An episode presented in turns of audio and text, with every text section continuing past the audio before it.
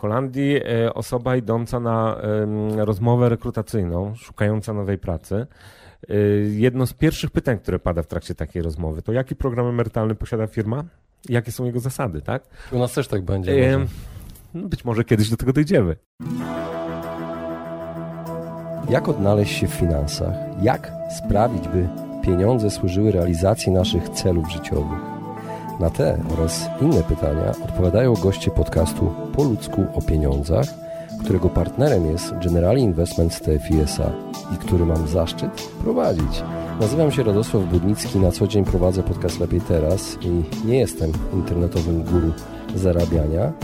Rozmawiam tylko po ludzku o pieniądzach z ekspertami, którzy zrozumiałym językiem tłumaczą zawiłości finansów i to, jak sprawić, by pieniądze nam służyły a nie nami rządziły. Serdecznie zapraszam.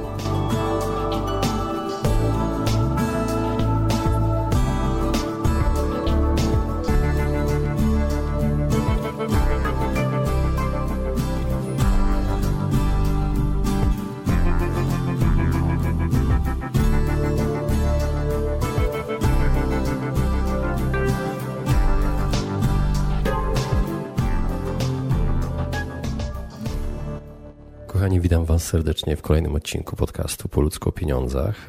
Dzisiaj kolejna rozmowa, tym razem z ekspertem TFI Krzysztofem Morawskim. Z Krzysztofem postanowiłem porozmawiać i rozszyfrować dwa takie tajemniczo brzmiące skróty PPE i PPK. Tak, moi drodzy, niedługo, być może, być może niedługo w Polsce będzie tak jak w Holandii, że kiedy będziemy szli na rozmowę o pracę, to pracownik będzie pytał, czy firma w pakiecie poza pensją i benefitami typu siłownia, opieka zdrowotna ma również PPE. Także niedługo, być może w Polsce, obligatoryjne będzie PPK. Czym jest PPE, czym jest PPK? PPE to tak zwane pracownicze programy emerytalne, a PPK to pracownicze plany kapitałowe. A czym jest dokładnie, dowiecie się z mojej rozmowy z Krzysztofem Morawskim, do której wysłuchania Was serdecznie zapraszam. Witam Cię Krzysztofie. Witam serdecznie. E, witam serdecznie w podcaście Po ludzku o pieniądzach i może powiedziałbyś na początek e, moim słuchaczom, kim jesteś, czym się zajmujesz i gdzie pracujesz. E, pracuję dla Towarzystwa Funduszy Inwestycyjnych. Zajmuję się współpracą z klientem instytucjonalnym. Pracuję w Departamencie Klienta Instytucjonalnego i współpracujemy z firmami w kontekście pomagania w alokowaniu środków w kontekście zarządzania płynnością finansową, czyli fundusze dla firm. Fundusze dla firm, czyli, ale to są takie duże firmy, małe firmy. Kiedy dla Ciebie już jest klient, że tak powiem, interesujący? Od trzech pracowników, czy dopiero od pięćdziesięciu? E, tutaj liczba pracowników nie gra roli. To tak naprawdę kluczowe jest to, e, jakim e, kapitałem klient dysponuje i na ile ma wolnych środków, które może nam powierzyć. Czyli to nie jest alternatywa tylko i wyłącznie dla inwestycji długoterminowych, ale rozmawiamy też o krótkim pieniądzu, o pieniądzu, e, który mm, e, jest środkiem obrotowym, który szuka wyższej stopy zwrotu niż lokata bankowa. Bardzo ciekawe. E, ale dzisiaj chciałem porozmawiać nie o funduszach, chciałem porozmawiać o czymś takim, co można powiedzieć, widziałem, przyznam ci się kiedyś, oglądając filmy amerykańskie, słyszałem, że są korporacje amerykańskie, które, takie dobre korporacje, które tworzą swoim pracownikom własną tak, emeryturę. I Słyszałem, że jest taki skrót, może przeczytam, PPE i PPK. Na początek chciałbym z Tobą porozmawiać o PPE. Co to takiego jest PPE? PPE skrót od pracowniczych programów emerytalnych, czyli programów tworzonych e, przez pracodawcę dla pracowników, e, programów tworzonych z myślą o zwiększeniu przyszłej emerytury. E, mówisz o Stanach Zjednoczonych, tego typu programy funkcjonują na całym świecie. W Polsce już prawie od 20 lat, bo 1998 rok to był pierwszy rok, kiedy e, powstały PP w Polsce. Dlaczego nigdy nie miałem takiego programu? Pracowałem w różnych firmach. Byłem jumperem, często zmieniałem firmę. No, ja akurat mam to szczęście, że od 2002 roku pracuję dla firm, które e, prowadzą PP, więc mam. I normalnie masz konto. Tak, dokładnie. Przez dokładnie, pracodawcę tak, założone. Dokładnie, dokładnie. Mam konto założone przez pracodawcę. To jest program o tyle ciekawy, że cała składka jest opłacana wyłącznie przez pracodawcę. Pracownik może dopłacać składkę dodatkową, czyli może też samodzielnie oszczędzać w tym programie. Natomiast idea PPE polega na tym, że pracodawca pokrywa całość kosztów składania przyszłej emerytury dla swojego pracownika. Program funkcjonuje w ten sposób, że jest absolutnie dobrowolny. To znaczy i firma może go otworzyć na zasadzie dobrowolności, czyli tylko ta firma, która chce, i pracownik może do niego przystąpić, ale nie musi. Jeżeli jest zainteresowany, to w każdym momencie zatrudnienia od trzeciego miesiąca, bo to ustawa nakłada taki obowiązek, przez cały czas zatrudnienia może do tego programu przystąpić, może też z niego zrezygnować. E, co ciekawe. Po trzecim miesiącu pracy w firmie, tak? Po trzecim miesiącu pracy w firmie to jest wymóg ustawowy, to jest minimum ustawowe, że każdy pracownik może przystąpić do PPE w momencie, kiedy jego staż pracy wynosi 3 miesiące danej. No, tak, okres próbny też 3 miesiące często. Tak naprawdę sprowadza się to do okresu próbnego, dokładnie tak. Mhm.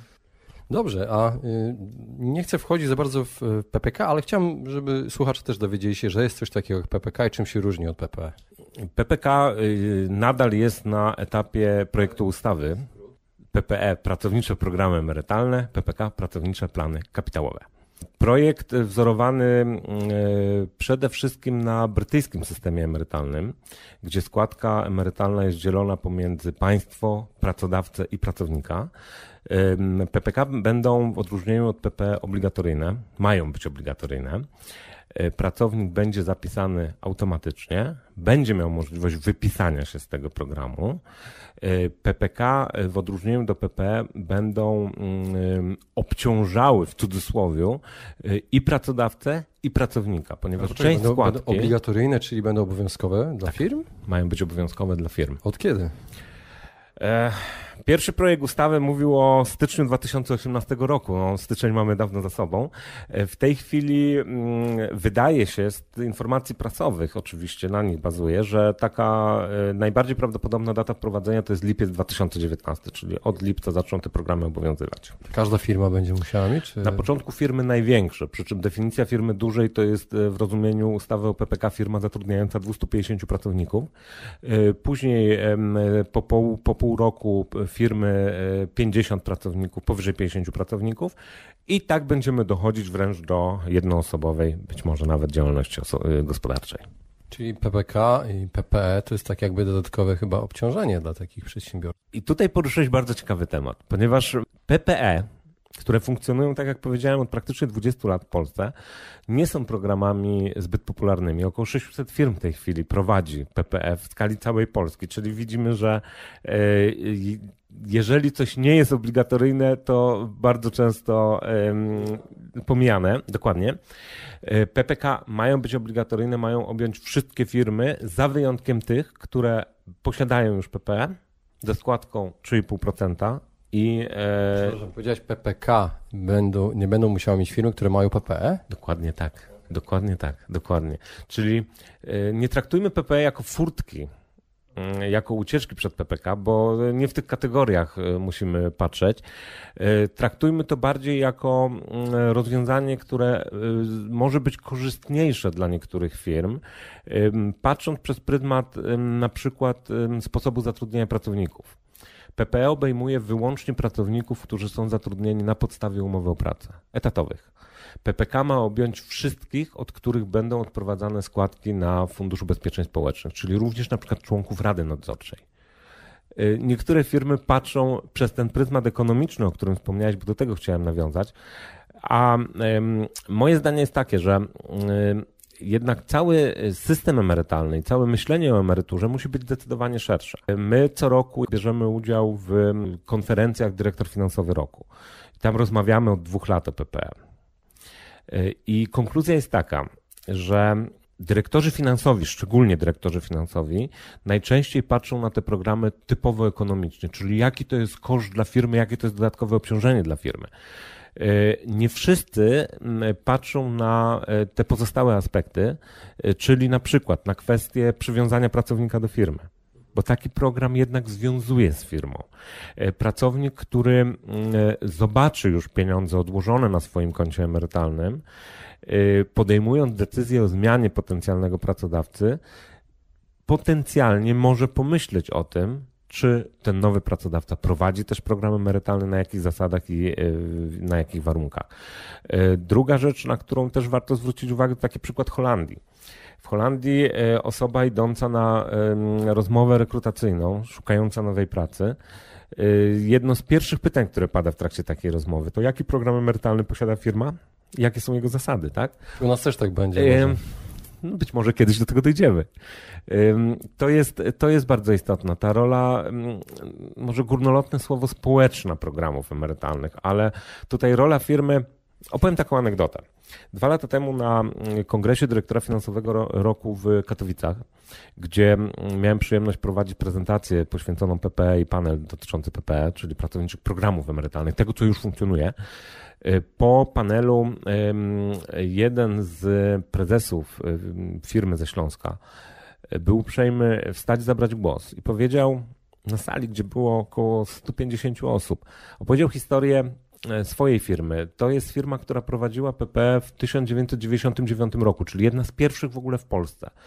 I opowiadał, jak pracownik, który nie był przekonany do tego programu, traktował to trochę jako przymus, jako coś nierealnego, bo bardzo odległego, bardzo przyszłego. Odchodził na emeryturę. I w momencie, kiedy żegnał się z zarządem spółki, to przyszedł do prezesa i padły słowa podziękowania za to, że ten program został otwarty, ponieważ to już były namacalne, niemałe wcale pieniądze, odłożone w tym celu typowo emerytalnym powiększenia swojego świadczenia już w tym okresie y, odpoczynku po, po pracy zawodowej. I to pokazuje ten aspekt zupełnie inny programów emerytalnych, że powinniśmy na nie spojrzeć nie tylko przez y, typowe cyfry i przez typową ekonomię, jaki to jest koszt dla firmy, ale też jaka to jest wartość dodana dla y, budowania wizerunku firmy, dla troski o przyszłych pracowników.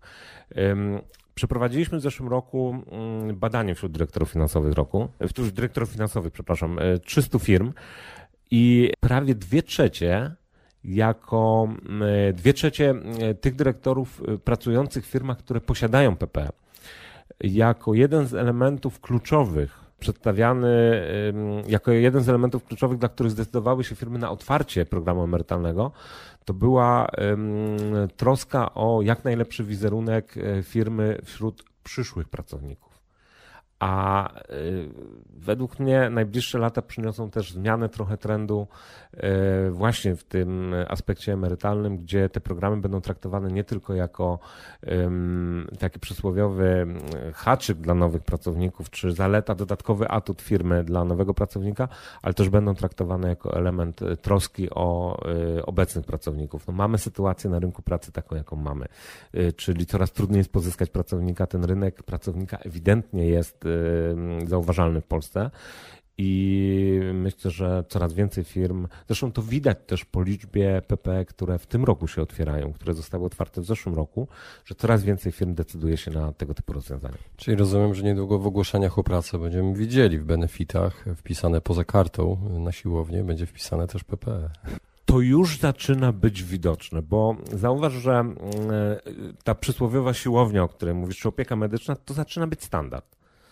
Y, ja niedawno rozmawiałem z właścicielem firmy y, zajmującej się wynajmem powierzchni biurowych na południu Polski i on mówił, że już oczekiwania potencjalnego najemcy są dużo większe niż parę lat temu, że y, miejsca parkingowe dla każdego pracownika to zaczyna być standard w wymaganiach, że na przykład coś, co nazywamy chillout roomem, czyli to miejsce do odpoczynku, wyciszenia się, y, to też zaczyna być standard, że zielona ściana, czy trochę właśnie zieleni, czy inna zupełnie wilgotność w pomieszczeniach i ten kierunek y, będzie miał miejsce na, na, na, rynku, na rynku pracy, czyli y, to, co jest standardem na dzisiaj, pozostanie, natomiast wyjście poza standard i właśnie te informacje o programach emerytalnych, one już zaczynają być widoczne w niektórych ogłoszeniach o. Dobrze, powiedziałeś, że e, właściwie odpowiedziałeś na moje pytanie, bo mam pytanie, kto może korzystać z PPE i z PPK. E, mogą, z PPE mogą korzystać osoby zatrudnione na umowę o pracę, tak jest. z PPK osoby, które od, za które firma odprowadza składki. Tak. Więc e, jest to odpowiedź na, na moje pytanie, też po trzech miesiącach dopiero, tak? Dopiero po trzech miesiącach zatrudnienia. Dobrze. dobrze tak, dokładnie. A jakie są różnice między właśnie takim PP PPK, no właściwie PPE, zostańmy przy tym PPE, a trzecim filarem, bo często osoby mogą mylić to, prawda, bo już tyle tych filarów jest. Y, trzeci filar. Y, Czwarty głów... filar. Trzeci filar głównie kojarzy się z dwoma programami, czyli IKE i IGZE, tak? czyli indywidualne konto emerytalne, indywidualne konto zabezpieczenia emerytalnego. Mm, tutaj mm, nazwa e, też sprowadza nas do wspólnego mianownika, czyli pracownicze programy emerytalne i indywidualne konto emerytalne. Możemy myśleć, że to to samo. Różnica jest, różnica jest duża. PPE opłacane, tak jak powiedziałem, przede wszystkim przez pracodawcę. Czyli nie jest to dodatkowy koszt dla, dla nas, dla pracownika. IKE i IGZE są to programy indywidualne, czyli prowadzone dla każdej osoby indywidualnie. E, składki, bo też mówimy o składkach, no tutaj wpłata do takiego programu nazywana jest składką. E, składki opłacamy sami z naszego wynagrodzenia już netto, czyli tego wypłaconego przez pracodawcę, które trafia na nasze konto, e, na nasz rachunek. To jest podstawowa różnica. Nie możemy tego mylić, bo ja już miałem kilka tutaj e, odcinków na temat IKE i IGZE, nie będziemy się zagłębiać w te tematy, e, ale generalnie to nie jest to samo. Nie Czyli jest generalnie to to tutaj jest pracodawca. A od razu pojawiło mi się takie spontaniczne pytanie. E, zastanawia mnie, jaki procent pensji najczęściej odkłada się na tą PPE? Jakie to są w ogóle, jaka to jest skala w stosunku do pensji? To jest ustawowo mm, określone. Maksymalny procent to jest 7% pensji. Jeśli chodzi o tą... Brutto, netto... Mm, już mówię. 7% pensji, jeśli chodzi o tą część opłacaną przez pracodawcę. I to jest od wynagrodzenia, od wynagrodzenia brutto, jeszcze przed opodatkowaniem. Natomiast co ciekawe, i o tym też wiele osób nie wie, a część zapomina. Poruszyłeś temat IKX. Limity na IKX razem wzięte, roczne, są mniejsze niż limit składki dodatkowej, którą możemy sobie sami wpłacić do PPE, bo ta składka dodatkowa w roku bieżącym 2018 dla PPE wynosi prawie 20 tysięcy złotych. I teraz korzyść z opłacenia takiej składki dodatkowej polega na tym, że program, wypłata z programu po 60 roku życia jest podobnie jak w przypadku IKE zwolniona z podatku belki tak zwanego, podatku od zysków kapitałowych. I tutaj bardzo często od szczególnie zarządów firm słyszę, że jeśli ktoś ma te 5-6 lat do emerytury, do tego wieku emerytalnego, aczkolwiek z PPE wypłata jest możliwa tak samo jak w przypadku IKE już w wieku 60 lat. W związku z czym nie mówmy tutaj stricte o wieku emerytalnym, bo ta granica jest dla tego programu dość płynna. E, to jest to ciekawa alternatywa dla, znowu, dla na przykład lokaty bankowej, tak? Ponieważ wpłacając do funduszu pieniężnego, po prawie 20 tysięcy przez 5 lat mamy 100 tysięcy złotych odłożone, które po tym okresie pięcioletnim możemy wypłacić mając 60 lat bez podatku, bez podatku belki. No ciężko znaleźć drugi taki program w tej chwili na rynku. No właśnie, ale jeżeli to jest program emerytalny, więc te pieniądze są w jakiś sposób inwestowane, to czy to są te pieniądze, które wpłaciliśmy, dostajemy na koniec, czy te pieniądze rosną? Są oprocentowane jak na lokacie, czy lepiej oprocentowane? Jak to? Bo to pierwsze pytanie, słuchacz jadący samochodem, słuchający naszej rozmowy sobie zada. Pieniądze są inwestowane w fundusze inwestycyjne. W ramach uzgadniania z firmą strategii, gdzie mają być lokowane te środki, możemy poruszać się w całym spektrum funduszy inwestycyjnych, od funduszy pieniężnych fundusze akcyjne. E, coraz popularniejsze są e, programy oparte na funduszach tak zwanego cyklu życia czyli programy, w których e, dla młodej osoby, która ma przed sobą 40 lat potencjalnego życia zawodowego, aktywności zawodowej, e, na samym początku e, można pozwolić sobie na odrobinę szaleństwa, na większe ryzyko inwestycyjne, na fundusz akcyjny. Im bliżej emerytury, im bliżej już tej konsumpcji pieniądza, tym ta inwestycja ma być spokojniejsza, bardziej wyważona, czyli przechodzimy w kierunku przez obligacje do funduszu pieniężnego, do rynku pieniężnego, który ma najmniejszą zmienność. Oczywiście stopa zwrotu z funduszu akcyjnego w horyzoncie 20, 30, 40 lat potencjalnie będzie zdecydowanie wyższa niż e, z funduszu pieniężnego. Natomiast pamiętajmy też o tym, że im bliżej emerytury jesteśmy, tym bardziej powinniśmy chronić swój kapitał, a nie liczyć już na jakieś krociowe zyski. No tak, ale e, kiedy dobieramy te PPE, te fundusze do PPE dla, dla danej firmy. Powiedzmy, jest sobie firma, produkuje coś tam, ma tysiąc pracowników, przychodzi do TFI, może taki program PP stworzyć dla takiej firmy, bo bo, bo firma sama nie wie, jak to zrobić, prawda? Nie, nie, musiałaby zatrudnić osobę, która by inwestowała, bawiła się tam, patrzyła w ekrany, prawda? Wy macie od tego osoby przeszkolone. Czy jest taka możliwość, żeby TFI dla firm y, tworzył takie y, programy i prowadził je? I dobierał odpowiednie fundusze? Jak to wygląda? Takie programy e, oczywiście tworzymy dla firm, prowadzimy też tego typu programy.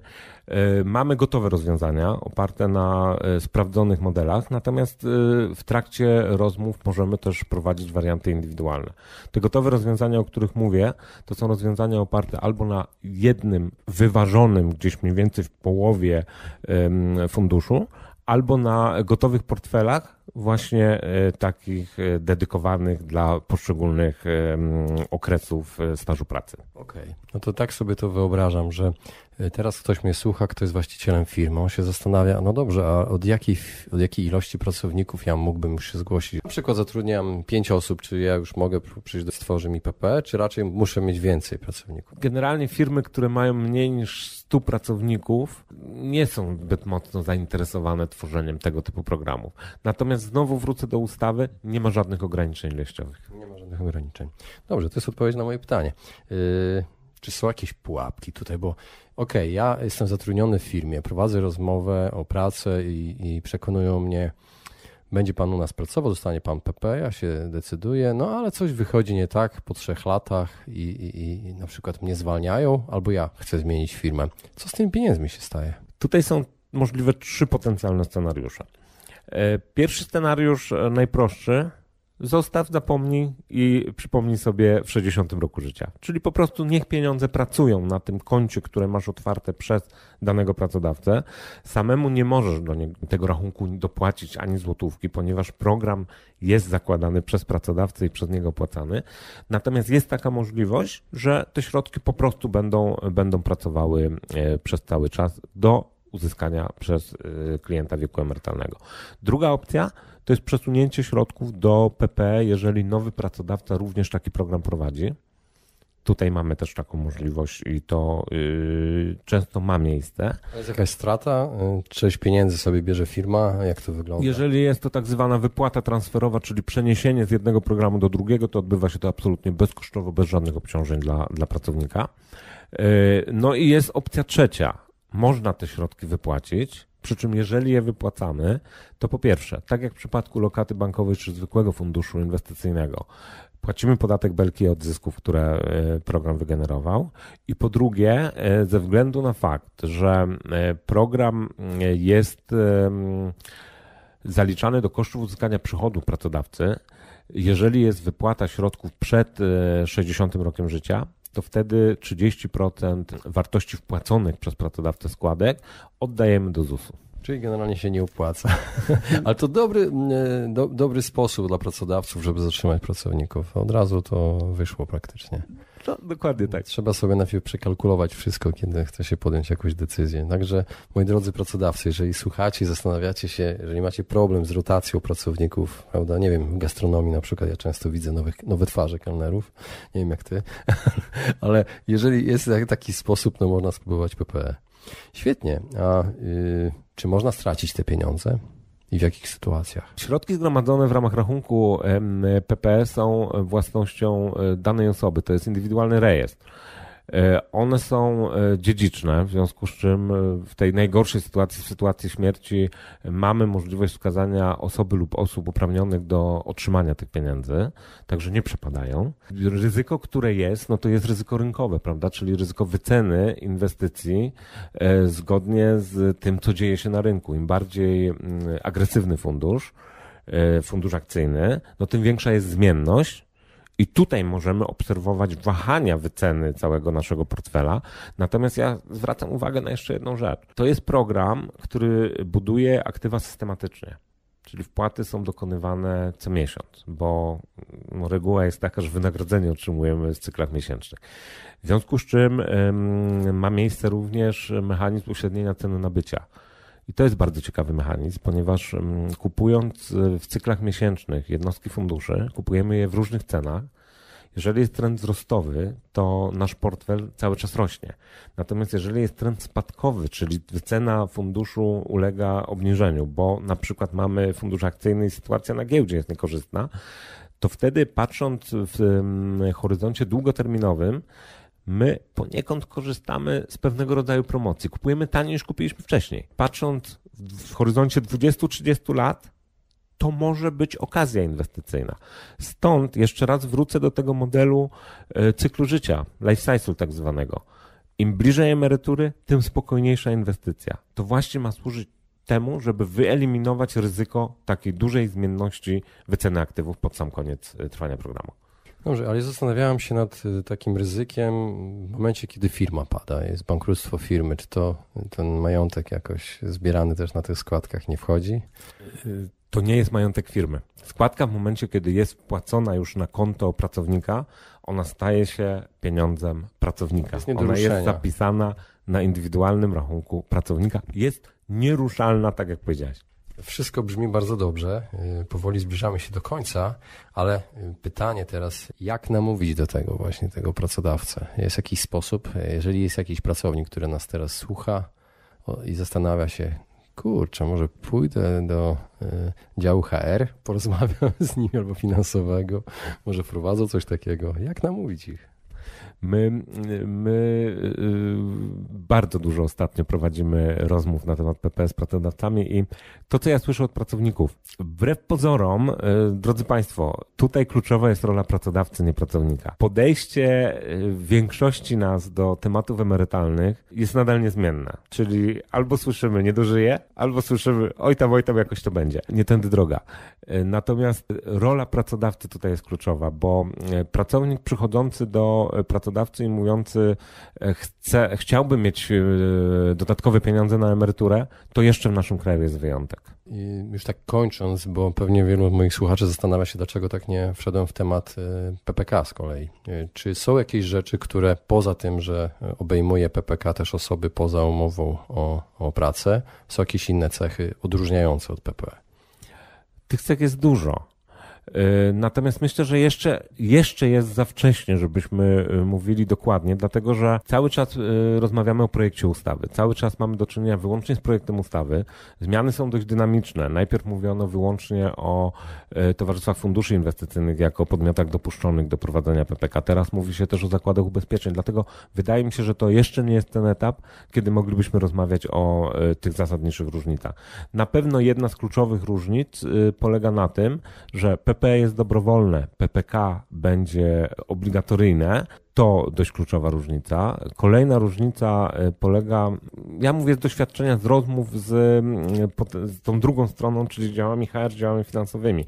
E, kolejna różnica polega na tym, że w PPE obciążenie składką dotyczy wyłącznie pracodawcy, w PPK ta składka będzie dzielona pomiędzy pracodawcę, pracownika i będzie też udział państwa, które będzie wspierało e, ideę gromadzenia kapitału emerytalnego. I to takie dwie podstawowe, dwie podstawowe różnice. E, to, na co Państwo zwracacie uwagę, szczególnie e, patrząc na PPE. To, że to jest program dobrowolny, to, że pracownik może, nie musi przystąpić, to kluczowe. To, że macie możliwość wyboru na dzisiaj, czyli wyboru dostawcy, wyboru firmy, która będzie ten program prowadziła.